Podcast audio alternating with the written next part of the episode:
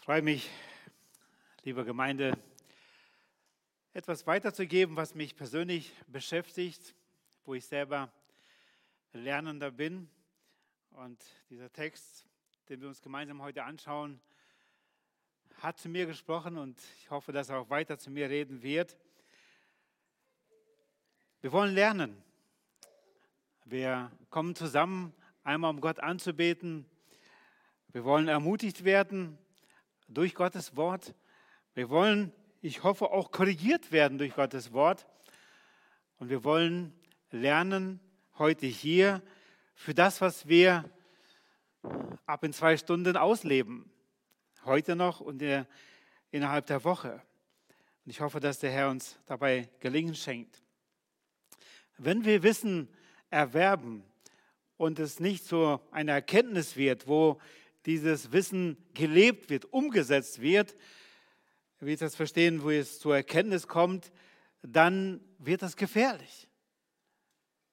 Und schnell kommen wir zum Richten anderer, anstatt es anzuwenden, erstmal im eigenen Leben. Den Text, wir haben schon gehört aus Matthäus 7, den wir uns anschauen wollen, die ersten fünf Verse. Es ist ein Text aus der Bergpredigt, haben wir auch schon gerade gehört, und die Einleitung der Bergpredigt haben wir auch schon gehört. Und in diesen Kapiteln 5 bis 7 Matthäus, wo Jesus die Bergpredigt hält, es ist eins der schönsten Predigten. Und nichts zu wundern, Jesus selbst hat sie gehalten. Und so komplett auch hat Gott es gesorgt, dass wir es auch in unseren Händen heute halten dürfen und lesen dürfen. Und welch einen gewaltigen Einfluss hätte die Gemeinde Jesu heute auf die ungläubige Welt, wenn wir Christen mehr von den Grundsätzen und Prinzipien, die uns in dieser wunderbaren Predigt gegeben werden, praktizieren würden. Jesus erläuterte seine Aussage gerade in Kapitel 5, Vers 20. Wir haben bis zu diesem Vers ja gerade gelesen dass die Gerechtigkeit der Pharisäer nicht ausreiche, um in das kommende Gottesreich zu kommen. Ich lese nochmal den Vers 20 in Matthäus 5. Denn ich sage euch, wenn nicht eure Gerechtigkeit, die der Schriftgelehrten und Pharisäer weit übertrifft, so werdet ihr keinesfalls in das Reich der Himmel hineinkommen. Vor Augen nochmal, die Pharisäer und Schriftgelehrten, es war die geistliche Elite. Das waren die Mustergläubigen eigentlich. Und Jesus sagt sehr deutlich, wenn eure Gerechtigkeit die der schriftgelehrten Pharisäer nicht weit übertrifft, so könnt ihr nicht in den Himmel, in das Reich der Himmel hineinkommen. Und das lässt aufhören. Was ist es denn? Jesus ruft seine Jünger zu einer radikaleren Heiligkeit, Gottesfurcht und Hingabe als der Pharisäer auf, die ihr Augenmerk hauptsächlich auf ihren äußeren Gehorsam richteten, anstatt zuerst auf die eigene Herzensmotivation zu achten. Und das ist die große Gefahr. Und das ist die große Gefahr auch von uns heute, die, dass wir mehr und mehr wissen, aber es nicht umsetzen. Ich habe diese Verse, den nächsten Text, die ersten fünf Verse überschrieben, sei ein Seelsorger an dir selbst und dann an deinem Nächsten. Es geht eigentlich mir mehr um die Verse drei bis fünf, aber wir lesen im Zusammenhang, damit wir es auch besser verstehen können. Und wir lesen, wenn wir die ersten zwei Verse lesen, Kapitel 7, da heißt es, richtet nicht, damit ihr nicht gerichtet werdet. Denn mit demselben Gericht, mit dem ihr richtet, werdet ihr gerichtet werden. Und mit demselben Maß, mit dem ihr anderen zumesst, wird auch euch zugemessen werden. Ich habe den ersten Punkt überschrieben, Warnung vor selbstgerechten Urteilen. Warnung vor selbstgerechten Urteilen. Nochmal, Jesus sagt hier, Und er hat immer wieder solche Wahrheiten dieser Bergpredigt genannt, die für sich schon eine ganze Predigt immer wieder waren. Und er sagt hier, richtet nicht, damit ihr nicht gerichtet werdet. Ein wohlbekannter Vers. Und er trägt, wie so manche andere, nahezu sprichwörtlichen Charakter. Und auch wir als Christen verstehen manchmal diesen Satz falsch. Was bedeutet es, richtet nicht? Damit ihr nicht gerichtet werden, dürfen wir nicht ein Urteil sprechen über etwas, was Gott nicht gefällt? Über welche Art des Richtens redet Jesus hier? Wie in allen Fällen ist der Kontext sehr wichtig. Und wir haben gerade gesagt, es ist die Bergpredigt.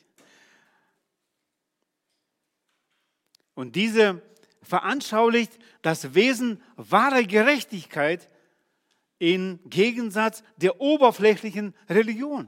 Darum geht es hier, den Vers, den wir gerade auch gelesen haben.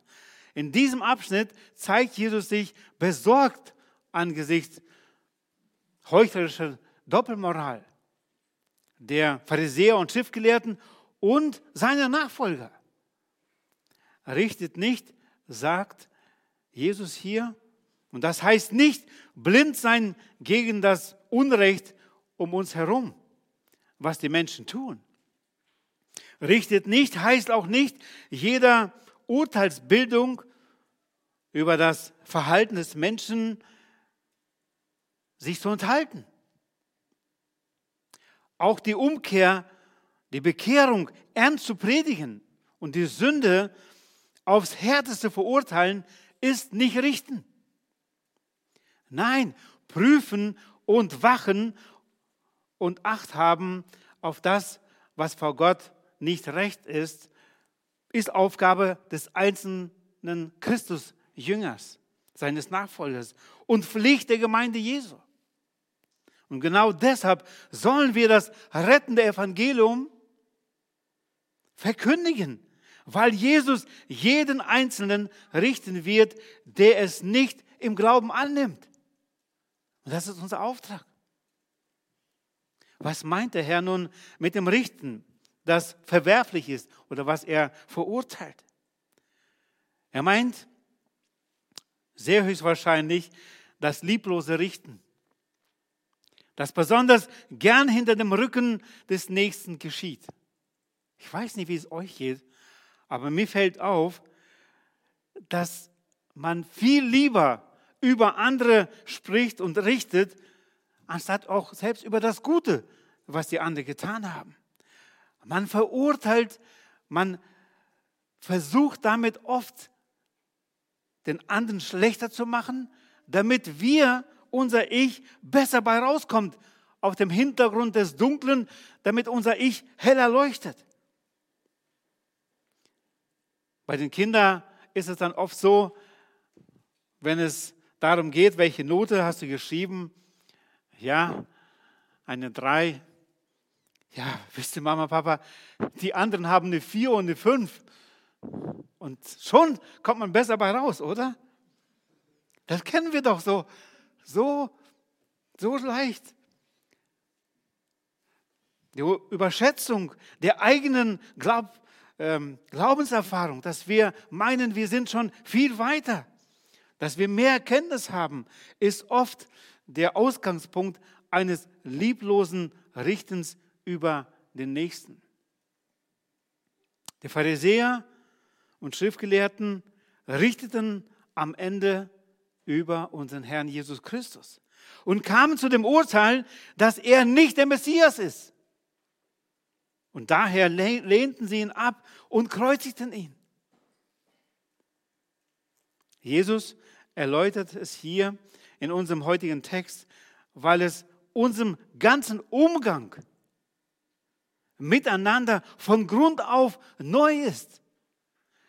Nachdem wir wiedergeboren sind und Kinder Gottes jetzt heißen, sollte unser ganzer Umgang anders sein als typisch in der Welt, wo dauernd andere gerichtet werden, verurteilt werden und sie schlecht gemacht werden. Er untersagt uns nicht, wie gesagt, das Urteil über das Wollen und Tun des anderen.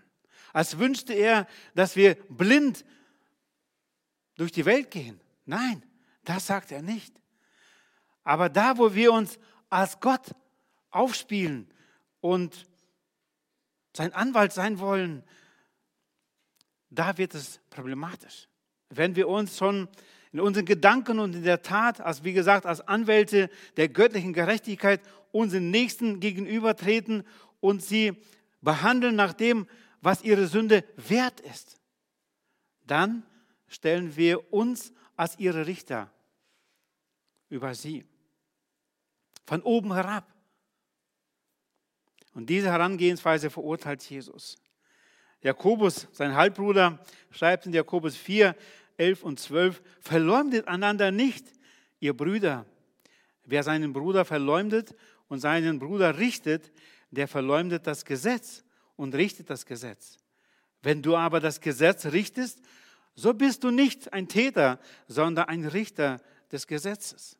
Vers 12. Einer nur ist der Gesetzgeber, der die Macht hat, zu retten und zu verderben. Wer bist du? Wer bist du, dass du den anderen richtest? Jesus erinnert daran, dass, und wir lesen hier auch in der Schrift, dass der Richter Gott ist und dass wir uns nicht über ihn stellen. Und das führt zu dieser Beobachtung, dass wir die richtige Perspektive dabei haben müssen, wenn wir darüber sprechen. Er ist derjenige, der der Maßstab des Gerichts ist. Sein Wort.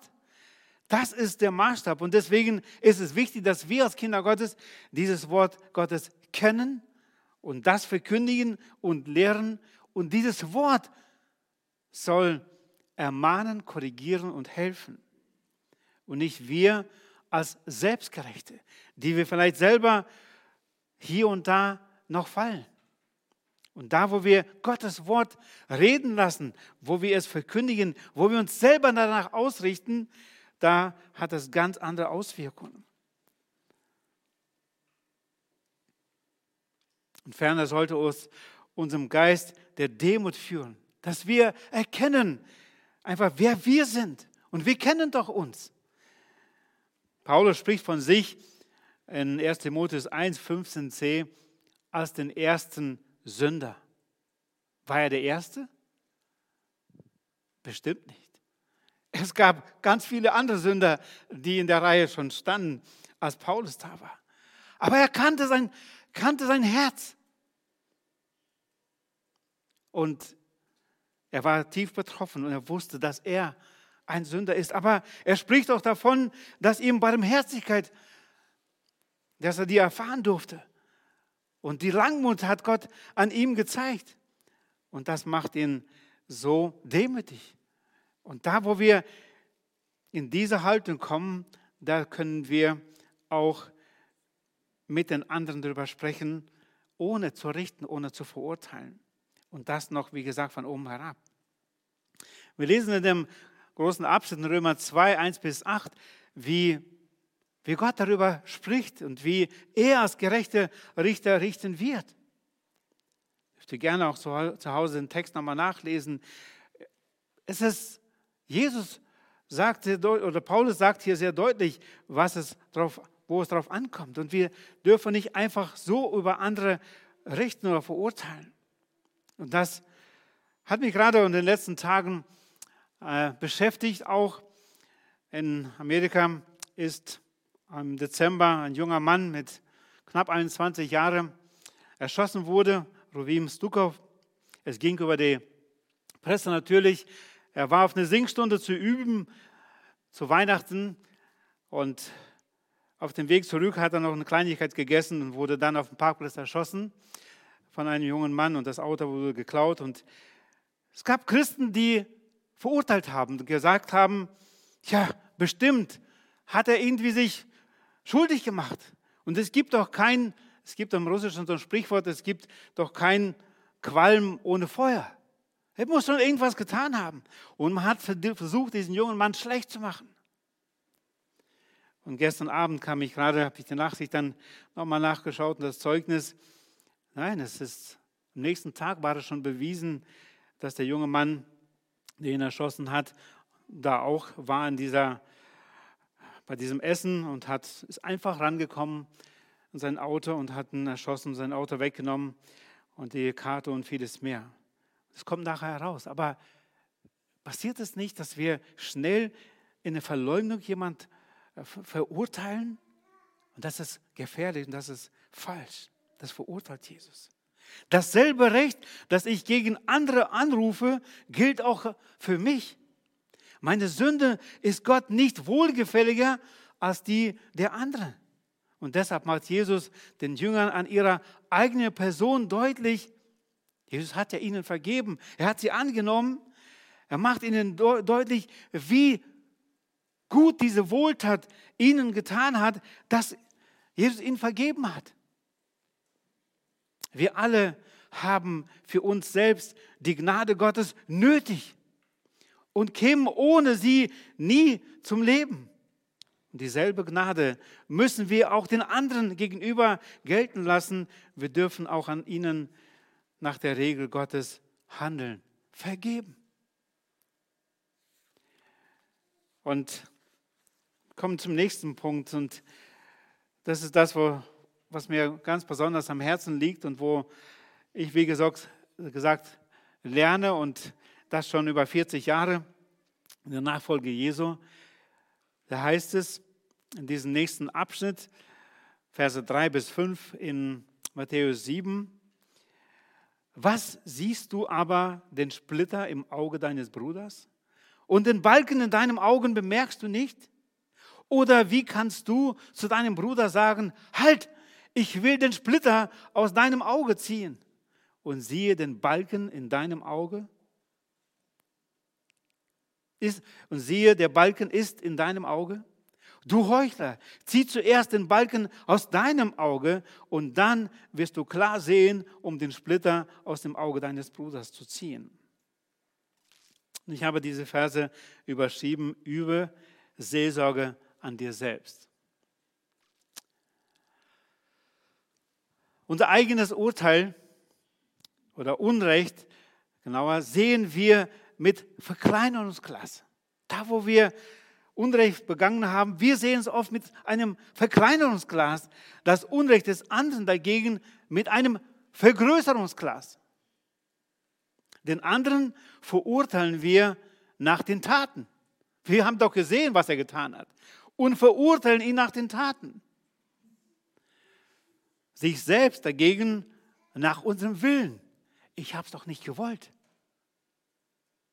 Ich wollte es eigentlich anders und deshalb ist es zu entschuldigen. Kennen wir das? Ich schon. Wenn Jesus die Schuld als Balken oder Splitter im Auge bezeichnet, dann heißt das, dass sie ein Fremdkörper sind. Und selbst ein Splitter ist ein Fremdkörper schon. Und im Auge ist es das empfindlichste Organ oder ein sehr empfindliches Organ in unserem Körper, wenn es da eingedrungen ist. Es ist Heuchelei, das Böse an den anderen zu bekämpfen und dabei nicht an sich selbst umsetzt. Wer einen echten Hass gegen die Sünde hat, dem ist es sie zuerst an sich selbst unleidlich oder kann sie nicht ertragen an einem selbst. Und nur dann sind wir geschickt, andere von ihrem Bösen zu befreien. Wenn wir uns selbst dem Recht und Zucht Gottes unterworfen haben. Was ist der Balken in unserem Auge, den wir zuerst entfernen sollen? Was meint Jesus damit? Dreimal in drei Versen nennt Jesus dieses Bild, den Balken. Und ich möchte einfach als vergleichen und sagen, das ist die Seelsorge an dir selbst. Diese Arbeit und achte erstmal auf dich selbst. Seelsorge an dir selbst. Erkenne den Balken in deinem Auge. Selbstgerechtigkeit. Selbstgerechtigkeit ist der Überbegriff dieses Balkens. Wir haben eine großartige Berufung als Kinder Gottes, wirklich im Wort zunehmen, dass wir das kennen und dann in der Tat umzusetzen. Und wir haben sehr viele Bibelstellen davon, wie wir das umzusetzen haben, wie wir darauf achten, wie wir danach jagen sollen, den Frieden zu haben mit Gott und den anderen. Und wie wir auch achten darauf, dass, dass wir wirklich vorankommen. Epheser 4, 3 bis 4 heißt es, und eifrig bemüht seid, die Einheit des Geistes zu bewahren durch das Band des Friedens. Ein Leib und ein Geist, wie ihr auch berufen seid, zu einer Hoffnung eurer Berufung.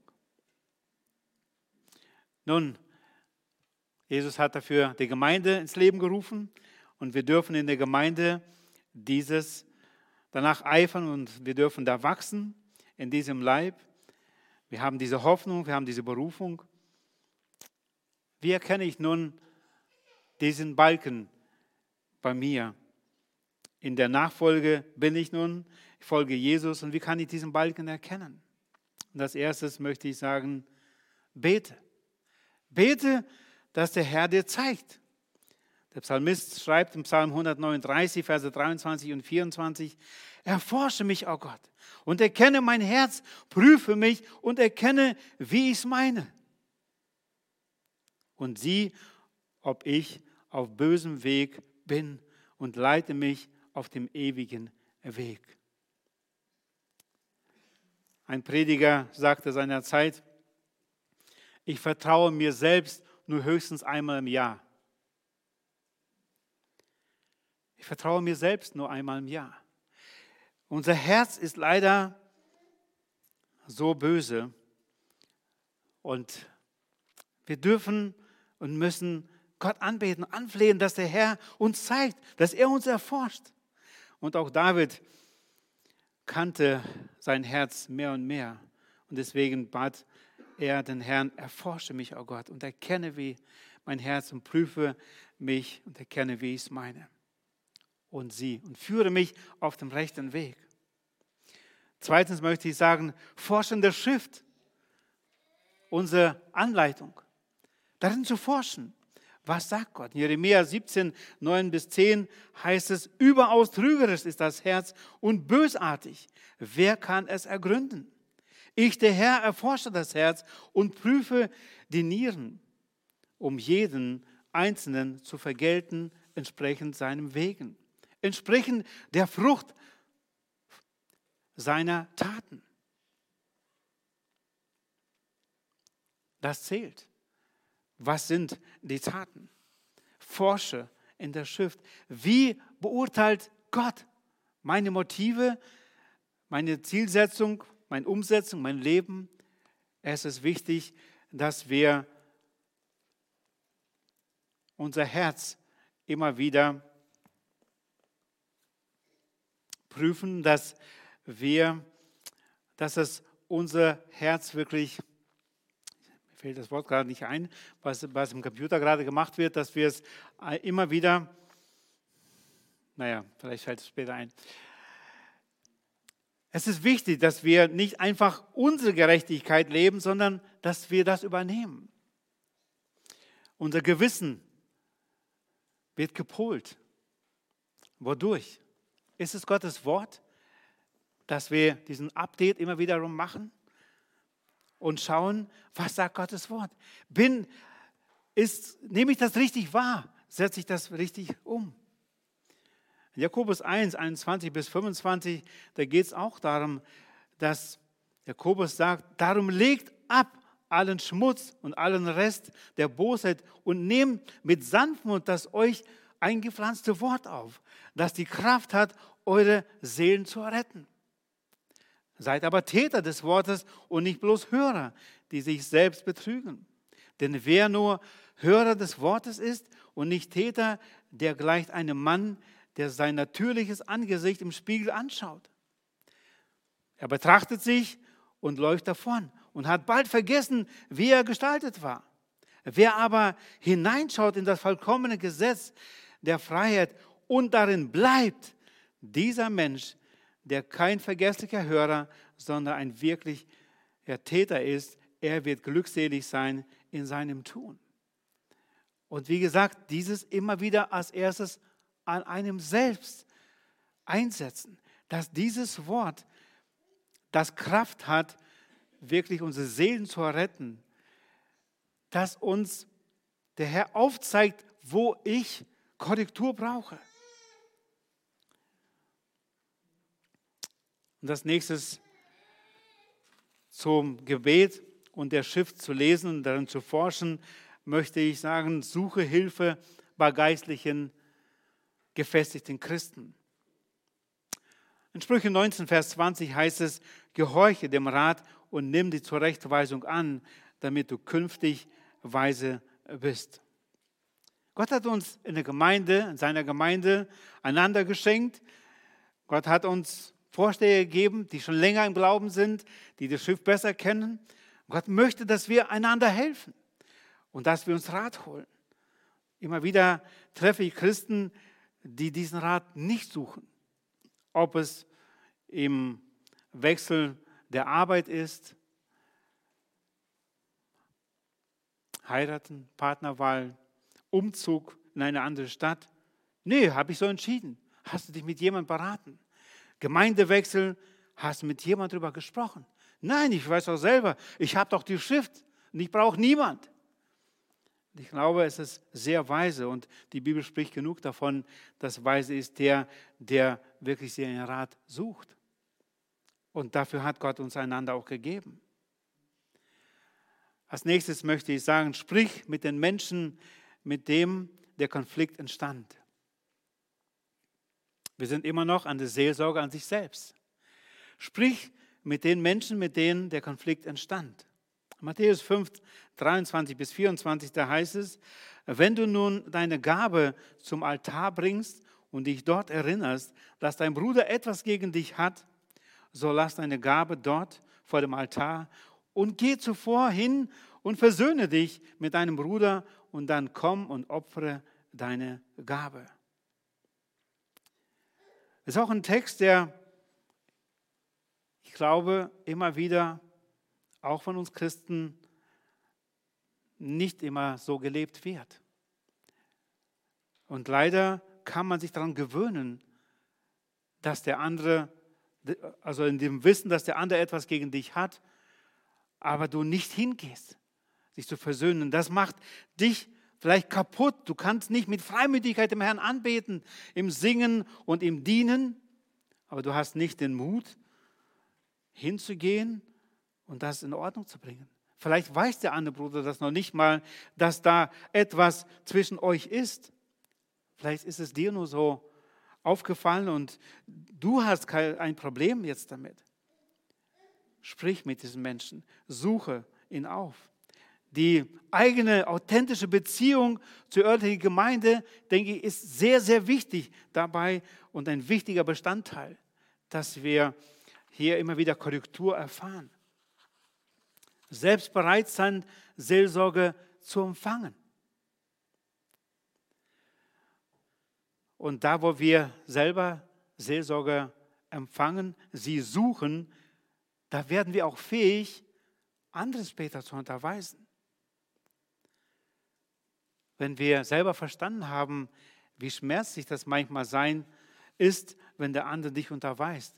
Und es, es fällt so schwer, es anzunehmen, gerade wenn man denkt, man ist im Rechten. Sei selbst bereit.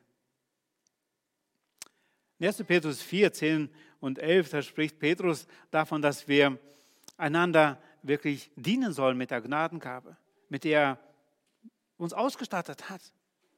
Und ist Seelsorge an uns selbst eine Alternative? Hat sie?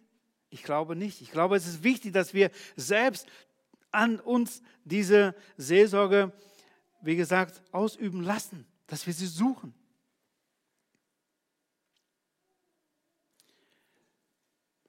Mein größtes Problem sind heute nicht die Sünde anderer an mir.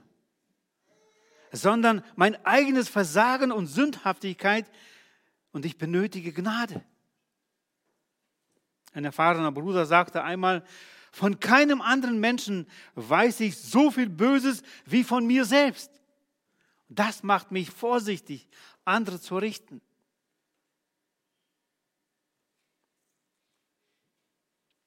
Jesus hatte bereits dreimal über Heuchler gesprochen in der Bergpredigt, aber in diesem Fall, wenn er hier spricht über Heuchler, dann glaube ich, werden nicht nur die Pharisäer und Schriftgelehrte gemeint, sondern es können auch die Jünger sein.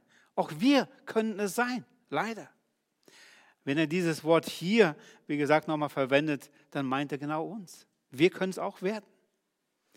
Die Heuchler, du Heuchler, zieh zuerst den Balken aus deinem Auge heraus und dann wirst du klar sehen, um den Splitter aus dem Auge deines Bruders herauszuziehen. Vers 5. Nur wenn wir unsere eigenen Sünden im Licht Gottes erkannt und bekannt haben, sind wir in der Lage, andere richtig zu beurteilen. Und nur wenn wir selbst im Bewusstsein der Gnade leben, durch die Gott uns alle Sünden vergeben hat und uns als Vater immer wieder vergibt, können wir in rechter Weise unseren irrenden Geschwister geistliche, wirkliche Hilfe geben. Und wir kommen zum dritten Punkt. Übe Seelsorge an deinen Nächsten. Ich lese nochmal diese drei Verse und versuchen das unter diesem Blickpunkt gerade zu sehen, dass wir es tun sollen, diese Seelsorge am nächsten. Was siehst du aber den Splitter im Auge deines Bruders? Also wir haben es erkannt. Es gibt ein Problem bei meinem Bruder. Was siehst du aber den Splitter im Auge deines Bruders und den Balken in deinem Auge bemerkst du nicht? Oder wie kannst du zu deinem Bruder sagen, halt, ich will den Splitter aus deinem Auge ziehen? Und siehe, der Balken ist in deinem Auge? Du Heuchler, zieh zuerst den Balken aus deinem Auge und dann wirst du klar sehen, um den Splitter aus dem Auge deines Bruders zu ziehen. Wie ich schon sagte, selbst ein Splitter im Auge ist ein Fremdkörper und ein großes Problem. Die Notwendigkeit, anderen auch bei Berichtigung eines Fehlers zu helfen, wird nicht verurteilt, sondern dazu ermutigt. Vielleicht denkst du, ja, das ist doch die Aufgabe der Pastoren, der Hirten. Schließlich werden sie ja dafür bezahlt. Ich glaube, dass der Auftrag ist an jedes Kind Gottes. Galater 6, Vers 1 heißt es, Brüder, wenn auch ein Mensch von einer Übertretung übereilt würde, so helft ihr, die ihr geistlich seid, einem solchen im Geist der Sanftmut wieder zurecht und gib dabei Acht auf dich selbst, dass du nicht auch versucht wirst. Die richtige Motivation bei der Zurechtweisung einer anderen Person muss immer die Wiederherstellung sein.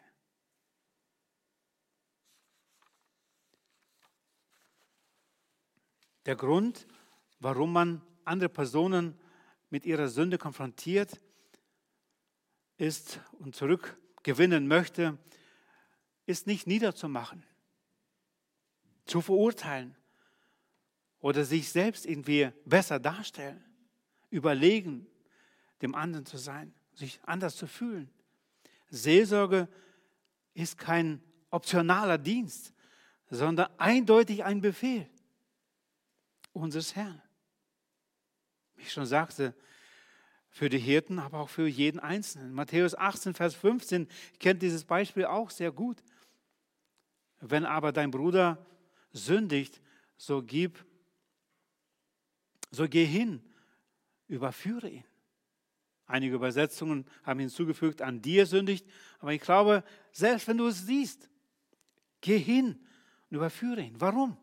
Es geht im Endeffekt um die Brautgemeinde Jesu, wenn es ein Bruder ist, ein, eine Schwester ist, die da sündigt. Und die Ehre unseres Herrn wird dadurch verschmutzt in den Dreck gezogen. Und deswegen ist es meine Aufgabe, ihm zu helfen. Ich weiß nicht, wie es euch geht. Manchmal denke ich, oh, schade, dass ich das gesehen habe. Jetzt habe ich einen Auftrag, jetzt muss ich hingehen. Ich muss ihm helfen. Und ich muss damit rechnen, da, wenn, da wo ich hingehe, über Sünde zu sprechen, ist die Gefahr sehr groß, dass Schmutz auch auf mich drauf kommt. Dass ich, wenn ich mit Sünde arbeite, dass ich auch selber irgendwo sündig werde. Dass ich mich eventuell versündige. Kann schnell passieren. Aber darum geht es nicht. Es geht darum, dass wir dem anderen helfen. Unser Herr befahl seinen Jüngern, einander zu lieben. Und das ist ein Gebot. Zu helfen, den Splitter aus dem Auge zu entfernen, ist eine Liebestat. Und jeder, der von euch einen Splitter mal im Auge hatte, manchmal schaffen wir es auch selbst, ihn rauszunehmen. Aber in der Regel ist es so, dass wir Hilfe brauchen von außen, manchmal selbst vom Arzt. Und deswegen ist das eine Liebestat. Und wie der Apostel Paulus es in den Glauben, den äh, Galatern gebot, so müssen auch wir uns darum kümmern, solche Christen wiederherzustellen, statt sie zu ignorieren. Ein Gläubiger kann von einer Sünde überwältigt werden, haben wir gerade gelesen. Galater 6.1. Und darum spricht Paulus alle Gemeindemitglieder an und nicht nur die Pastoren, wenn er sagt in 1. Thessalonicher 5, Vers 14, ich lese aus der Elberfelder Übersetzung, wir mahnen euch aber, Brüder, weist die Unordentlichen zurecht, tröstet die Kleinmütigen, nehmt euch der Schwachen an, seid langmütig gegen alle. Und das ist Arbeit. Die beginnt im Gebet für unsere Geschwister und die hat einen Auftrag, einen großen Auftrag. Weist die Unordentlichen zurecht, tröstet die Kleinmütigen. Ein Beispiel eines Bruders, was er mir erzählte, was er selber erlebt hatte. Da ist ein Neubekehrter frei geworden vom Rauchen und er fällt zurück bei, und raucht da heimlich eine, denkt, dass er niemand sieht. Und der Bruder geht gerade vorbei und sieht das, wie er das heimlich versucht zu tun.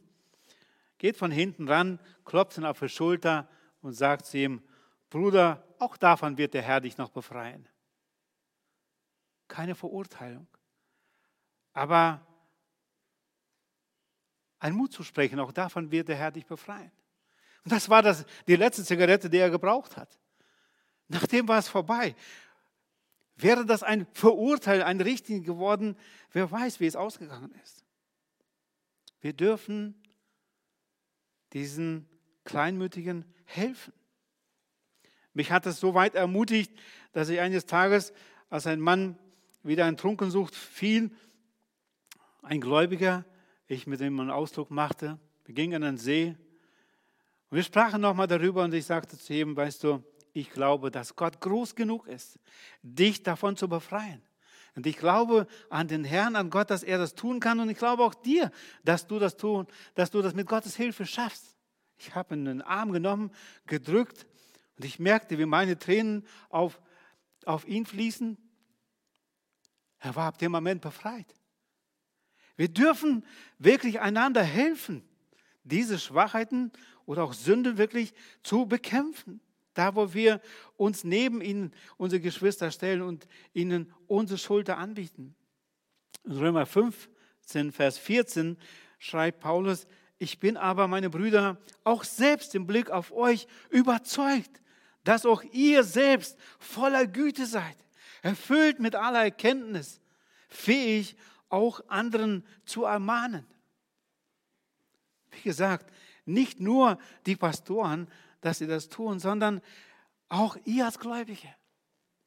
Ihr dürft einander ermahnen und solltet das tun. Und der Herr will euch befähigen dazu. Und wie, wie viel weniger Sünde würde es in der Gemeinde geben, wenn wir so aufeinander Acht haben und einander wirklich suchen zu helfen? 77 Mal lesen wir im Neuen Testament voneinander stellen, wo wir aufeinander achten sollen, wo wir einander helfen sollen, wie wir einander unterstützen können.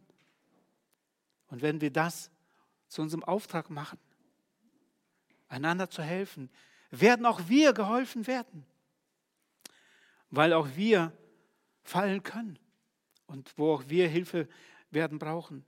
Aber wie gesagt, vorausgeht, dass wir selber Seelsorge an uns selbst üben, in Heiligung versuchen zu leben, in Gerechtigkeit, wirklich gottesfürchtig. Und da befähigt der Herr uns auch diese Seelsorge am nächsten zu üben. Wie wir es von unseren Herrn kennen, sind Ermutigung und Wiederherstellung nicht von der Liebe zu trennen. Und Liebe macht erfinderisch. Und deswegen als allererstes ist es wichtig, dass wir unseren Nächsten lieben, um dann den Splitter aus seinem Auge zu ziehen. Und wenn er merkt, dass wir ihn wirklich lieben, dann wird er auch es zulassen, dass wir diesen Splitter aus dem Auge ziehen. Diese Sünde. Deswegen als erstes denke ich, ist es wichtig, dass wir beten um diese Liebe Agape himmlische Liebe, Heaven. Wirklich, dass der Herr uns beschenkt mit dieser Liebe, damit wir diese Korrektur und diese Seelsorge, diese Ermahnung aneinander üben können. Gebet um Weisheit bei Gott. Jakobus spricht, wem der Weisheit mangelt, der Bitte. Gebet um die rechte Motivation. Wir brauchen erst manchmal selber einige Tage, manchmal vielleicht Wochen dafür, dass wir die rechte Motivation bekommen, um diese Ermahnung, diese Korrektur wirklich machen zu können. Aber bleib dran. Versuche die Situation des Nächsten zu verstehen. Zeige wahres Interesse.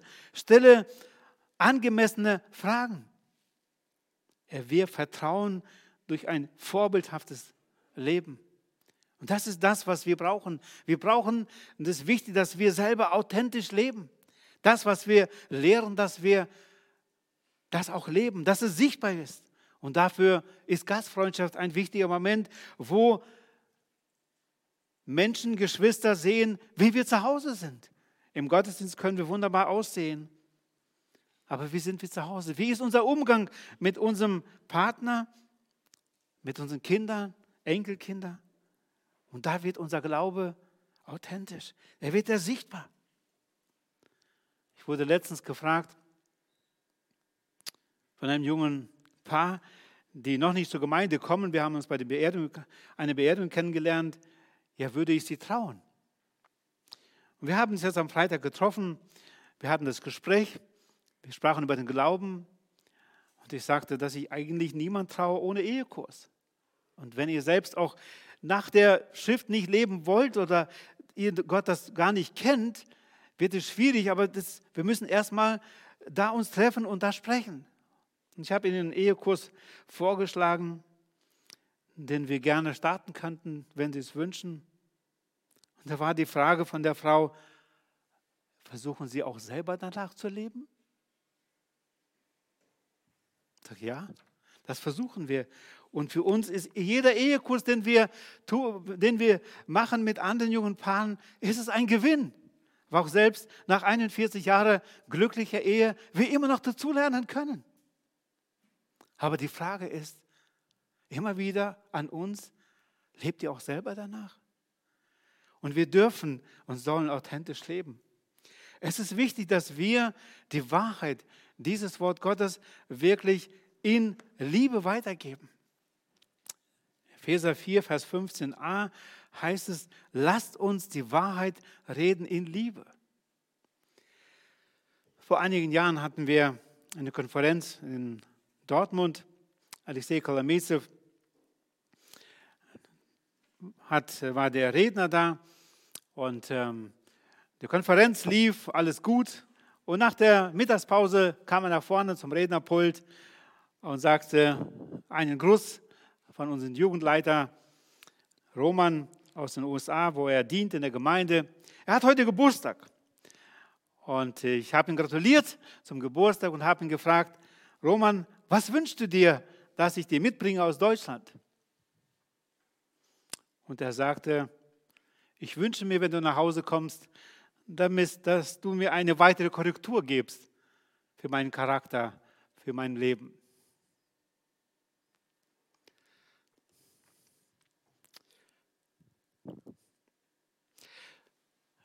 Das war das, was ich mitgenommen habe von dieser ganzen Konferenz.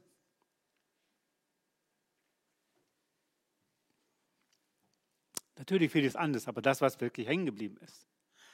Wir geben Korrekturen, aber manchmal so viel auf einmal, dass der andere gar nicht mehr aufstehen kann. Dass er da liegen bleibt und gar nicht mehr möchte aufzustehen. Aber wenn wir das in Proportionen geben, dann möchte der andere, wenn er das verstanden hat, dass Korrektur und Seelsorge an mir gut ist, dann wünscht er sich das, selbst zum Geburtstag. Und wenn wir das einander sagen, dann haben wir auch eher den Mut, einander auch was zu sagen. Gehören wir zu den Christen, die heute korrigiert werden wollen? Oder wissen wir alle schon so gut, dass wir keine Korrektur mehr brauchen? Am Anfang unserer Ehe, wir hatten auch kleine Kinder und ähm, wir haben es dann abgewechselt auch. Und manchmal saß meine Frau elf mit den Kindern im Kinderzimmer, wo ich gepredigt hatte. Und es gab Momente, sage ich leider zu meiner Schande, dass ich äh, gedacht habe, sie soll lieber heute zu Hause bleiben, damit sie meine Predigt nicht hört. Sie könnte eine Korrektur geben und ich war nicht bereit, wirklich das so anzunehmen. Vom allerliebsten Menschen. Und es brauchte Zeit, bis ich das lernen durfte. Und ich freue mich heute, dass wir gemeinsam Gott dienen können und wir immer wieder auch einander uns korrigieren können. Weil wir wollen ja bessere Diener Gottes werden für unseren Herrn. Er ist es wert. Und wie schön, wenn wir diese Korrektur bekommen vom, für uns vom allerliebsten Menschen. Geben wir aber diese Korrektur. Helfen wir dem anderen, wirklich sie zu bekommen. Sei ein Seelsorger an dir selbst und dann an deinem Nächsten. Das erste, am Anfang haben wir gesehen, eine Warnung vor selbstgerechten Urteilen. Prüfen wir unser Herz immer wieder vor dem Herrn, wie wir urteilen, wie wir verurteilen. Ist das aus unserer Selbstgerechtigkeit oder ist es wirklich, wo wir helfen wollen, dem anderen auf den richtigen Weg zu kommen. Übe Seelsorge an dir selbst. Und wir haben gesagt, bete dafür. Forsche in der Schrift und sei Täter des Wortes. Suche Hilfe bei geistlichen Christen. Sprich mit den Menschen, wo der Konflikt noch nicht geklärt ist, wo du weißt, dass Schwierigkeiten da sind. Und übe Seelsorge an deinem Nächsten, denn das ist eine Liebestat. Möge der Herr uns dazu ermutigen und gebrauchen und dass wir das erleben, dass Menschen uns danken dafür, dass wir es ihnen in Liebe gesagt haben. Dass sie Korrektur bekommen durften durch das Wort Gottes. Durch unsere Teilnahme, wo wir in Liebe und mit Herz wirklich ihnen geholfen haben, das durch das Wort Gottes zu sehen, wo sie falsch lagen. Möge der Herr uns dabei helfen. Ich würde gerne noch mit uns zum Abschluss beten. Amen. Herr Jesus Christus, hab herzlichen Dank, dass du der aller, allerbeste Seelsorger warst und bist bis heute. Du tust es heute durch dein Wort, das du uns schriftlicher Form gegeben hast, dass wir in uns verständlicher Sprache lesen dürfen Herr, und wir erkennen und sehen, wie sehr du uns geliebt hast und wie du uns gewarnt hast vor Sünde, vor den Folgen der Sünde. Du hast aber auch selbst unsere Schuld auf dich genommen, hast sie getragen, hast sie bezahlt. Und du hast wirklich volles Anrecht darauf, uns zu ermahnen, uns zu korrigieren.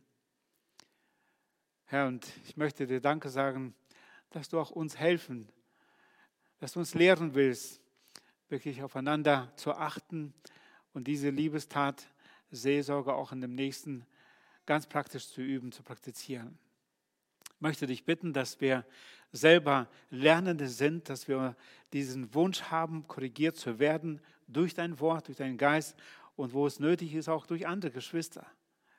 Hilf uns das zu suchen. Herr, es geht im Endeffekt um dich, um die Reinheit deiner Gemeinde, um die Ehre von dir, Herr.